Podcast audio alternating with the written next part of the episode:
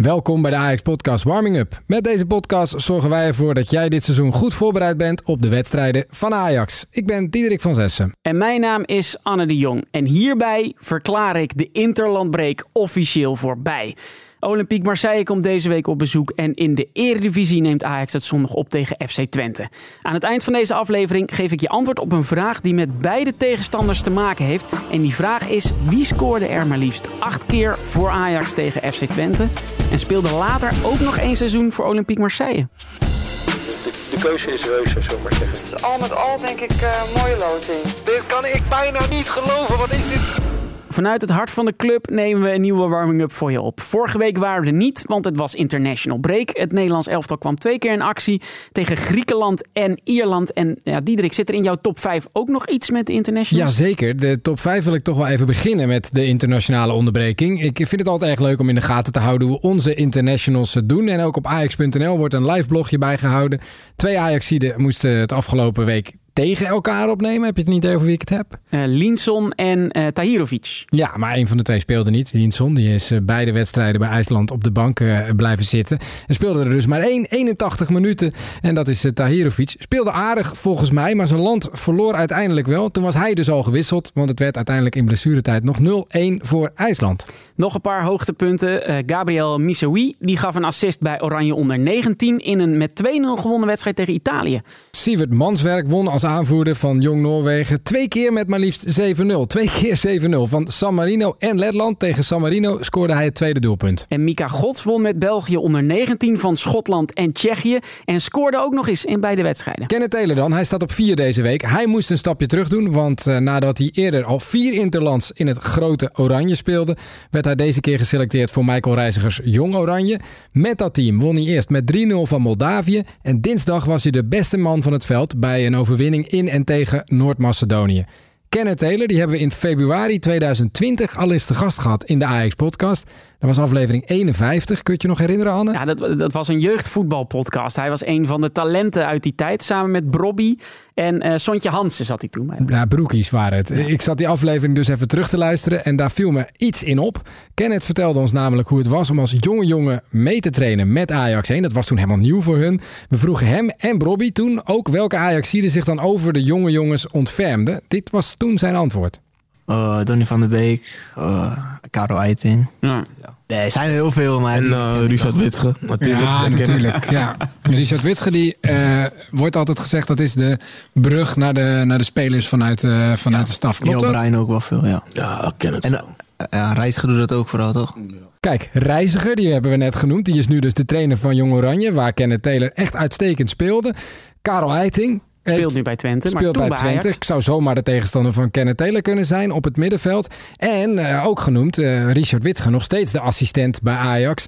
Schitterde nog in een Ziggo-reclame deze week bij uh, Ajax met het hooggouden. Heb je het gezien? Nee, die heb ik even Oh, in een voorbereiding op de klassieker is dit wel even een tip. We zetten hem wel in de show notes. Terwijl Ajax 1 vrij had of een interland moest spelen... reisden de Ajax-vrouwen af naar Moldavië... om zich daar ten koste van FC Dynamo BSUPC te plaatsen... voor de laatste voorronde van de Champions League. Onze collega Hein ging met ze mee, maakte een mooie reportage die op Ajax.nl te zien is. Die 3-0 uitoverwinning die zorgde ervoor dat Ajax dus als een van de balletjes meeging bij de loting die zojuist plaatsvond in Lyon in Zwitserland. En we werden gekoppeld aan, ook een Zwitserse ploeg, FC Zurich. Wij vroegen aan oudspeelster Kelly Zeeman wat zij over die loting dacht. Ik denk dat we wel blij kunnen zijn met deze loting. FC Zurich, Zwitserse ploeg, hebben we nog niet eerder tegen gespeeld. Misschien ook wel fijn dat we dan straks eerst uitspelen en de tweede wedstrijd thuis op de toekomst. Hopelijk veel publiek erachter. Dan kunnen we ons uh, plaatsen voor de allereerste keer Champions League groepfase. Dus al met al denk ik uh, mooie loting. Wat vinden jullie ervan? Wat vind jij ervan? Ja, ik, nee, Zurich, ik weet het niet. Nee, ik ook niet. Maar het, het had in ieder geval een stuk slechter kunnen zijn. Ja. ja. vorig jaar hadden we Arsenal. Ja. Overigens ook de tweede thuis. Maar dat ging echt helemaal mis. We maakten zeker een kans tegen het grote Arsenal. Maar die had een hele vervelende trainer. Die zat te, deur te zeuren over dat het doel te groot was. Ja, en Arsenal is echt een topteam in het vrouwenvoetbal. En Zurich kennen we dat minder. Dus dit nemen we graag op de koop toe. Hoopvol zijn we. Hoopvol. Tickets kopen, denk ik, voor die wedstrijd op de toekomst. Uh, Nummer 2, daar staat Ajax 1. Dat heeft een plek in de Europese groepsfase al wel veiliggesteld natuurlijk. Door de tweeluik tegen Ludo Goretz te winnen. Voor de wedstrijden tegen Brighton, AEK Athene en Olympique Marseille is bij de UEFA een lijst met spelers ingediend die nu speelgerechtigd zijn voor die wedstrijden. Het bestaat uit een A- en een B-lijst. En op die B-lijst staan spelers die tussen hun 15 en hun 21ste in de opleiding hebben gespeeld. Langer dan twee seizoenen geloof ik. Zo komt Ajax in totaal op bijvoorbeeld acht keepers. En kunnen we dus in theorie zelfs Sten Kremers in actie gaan zien tegen uh, Olympique Marseille aanstaande donderdag. Ja, Sten Kremers, de echte volgers van Jong Ajax, die kennen de Achterhoeker waarschijnlijk wel. Vorig seizoen stond hij vier wedstrijden onder de lat in de keukenkampioen-divisie. Het onderwerp waarmee Ajax-fans volgens mij nog steeds het meest bezig zijn, staat op één: de zomertransfers. Hoe gaat het met de nieuwe aanwinsten? Hoe goed zijn ze? Hebben ze al een huisje gevonden in de hoofdstad? De Engelsman Chuba Akpom zagen we al debuteren in het eerste, maar deze week deed hij ook voor het eerst rustig zijn verhaal in een interview op Ajax.nl. Hij vertelt in dat gesprek dat hij er zin in heeft om grote wedstrijden te spelen. Nou, die komen er ook aan. Maar ook over hoe het is om met zoveel nieuwe spelers in een team terecht te komen. Luister maar. It's fine. It's going to take a while for everyone to gel properly. We need to be professional and we need to settle as quick as we can. To gel. Ja, to gel together. To gel heel together. van maken. Je kende dat woord niet, to gel. Jij wel? Ik ken een uitspraak, ja wel. Ja, ja dat is van gehoord. It's gonna take time for everyone to gel. En volgens mij is dit precies wat er moet gaan gebeuren. Weet je, we gaan nu blok 2 in met al die grote wedstrijden. En ja, dan moeten we dus wel And gaan together gellen. gellen. Ja, daar gaat het volgens mij om. Dat is volgens mij het motto voor de komende tijd. Babagira, wat mij betreft is nu alles in orde. En kan je hier het contract tekenen. Mag ik even mijn financial adviseur bellen? Mijn adviseur is bijna helemaal blij. Maar een paar kleine dingetjes. Zo. Het is tijd voor Ask Ajax. Wij zijn op zoek naar de leukste vragen over Ajax en proberen die dan in onze Ajax-podcast Warming Up te beantwoorden met iemand die in de club werkt. Deze week gingen we op zoek naar het antwoord op de vraag van luisteraar Mike. Die vroeg: wat gebeurt er met een jeugdspeler als hij of zij moet nablijven? Mist hij dan de training of zelfs een wedstrijd? Het antwoord komt van Oscar Alkemade van de Ajax-opleiding. Hi Mike. Jouw vraag over nablijven kan ik kort en duidelijk beantwoorden. Ja, nablijven kan zeker ten koste gaan van uh, trainingstijd en speeltijd. Dat is een heel kort antwoord. Maar er is ook een wat langer antwoord mogelijk, zegt Oscar. Want waar komt het gedrag van die speler vandaan? En is nablijven wel de juiste maatregel? Omdat wij bij de Ajax jeugdopleiding het middelbare schoolprogramma hebben geïntegreerd in het voetbalprogramma, ontstaat er een bredere leeromgeving met een heleboel verschillende contexten en situaties. Waarin wij dus de gelegenheid creëren om spelers vaker te kunnen coachen op hun gedrag. We hebben deze bredere leeromgeving juist georganiseerd om meer trainingstijd en speeltijd te creëren voor spelers en speelsters. Wellicht klinkt het dan nu ook logischer dat we spelers liever niet straffen door hen trainingstijd of speeltijd af te nemen, maar dat we ons liever focussen op hun gedrag aan de voorkant. Ik hoop dat dit antwoord een beetje voldoet aan jouw verwachtingen.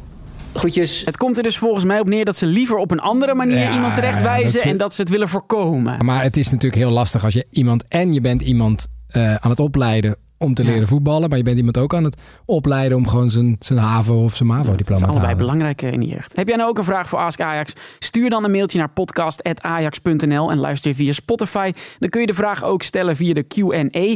Ik zou dat maar doen, want de leukste vraag van de maand krijgt een Ajax-shirt toegestuurd. De eerste wedstrijd waar we in deze podcast voor opwarmen is FC Twente Ajax. Ajax kan voor het eerst beschikken over de eerder besproken Sievert Manswerk en Borna Sosa. Die laatste, een Kroaat, een linksbenige verdediger, kwam net voor het sluiten van de transfermarkt over van Bundesliga-club VfB Stuttgart. Ajax won in de competitie eerst thuis van Heracles, maar morste punten tegen Excelsior en Fortuna.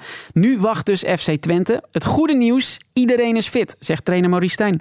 Bergwijn is fit. Berghuis is eh, eh, gelukkig van zijn schorsing af. Dus daar ben ik heel blij mee. Die hebben we heel erg gemist. En, maar we- voor de rest is de hele groep is, is fit. Dus we hebben geen blessures, geen schorsingen. Dus eh, de, de, de keuze is reuze, zullen we maar zeggen.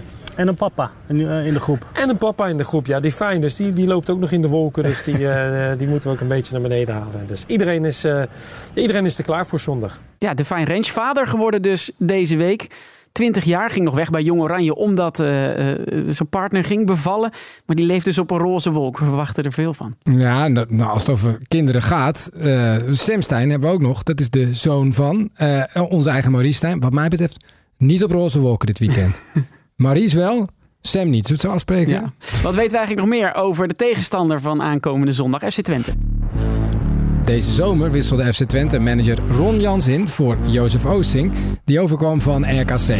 Onder hem versloegen de Tukkers in de voorronde van de Conference League het Zweedse Hammerby, maar bleek het Fenerbahce van Dusan over twee wedstrijden ruim te sterk.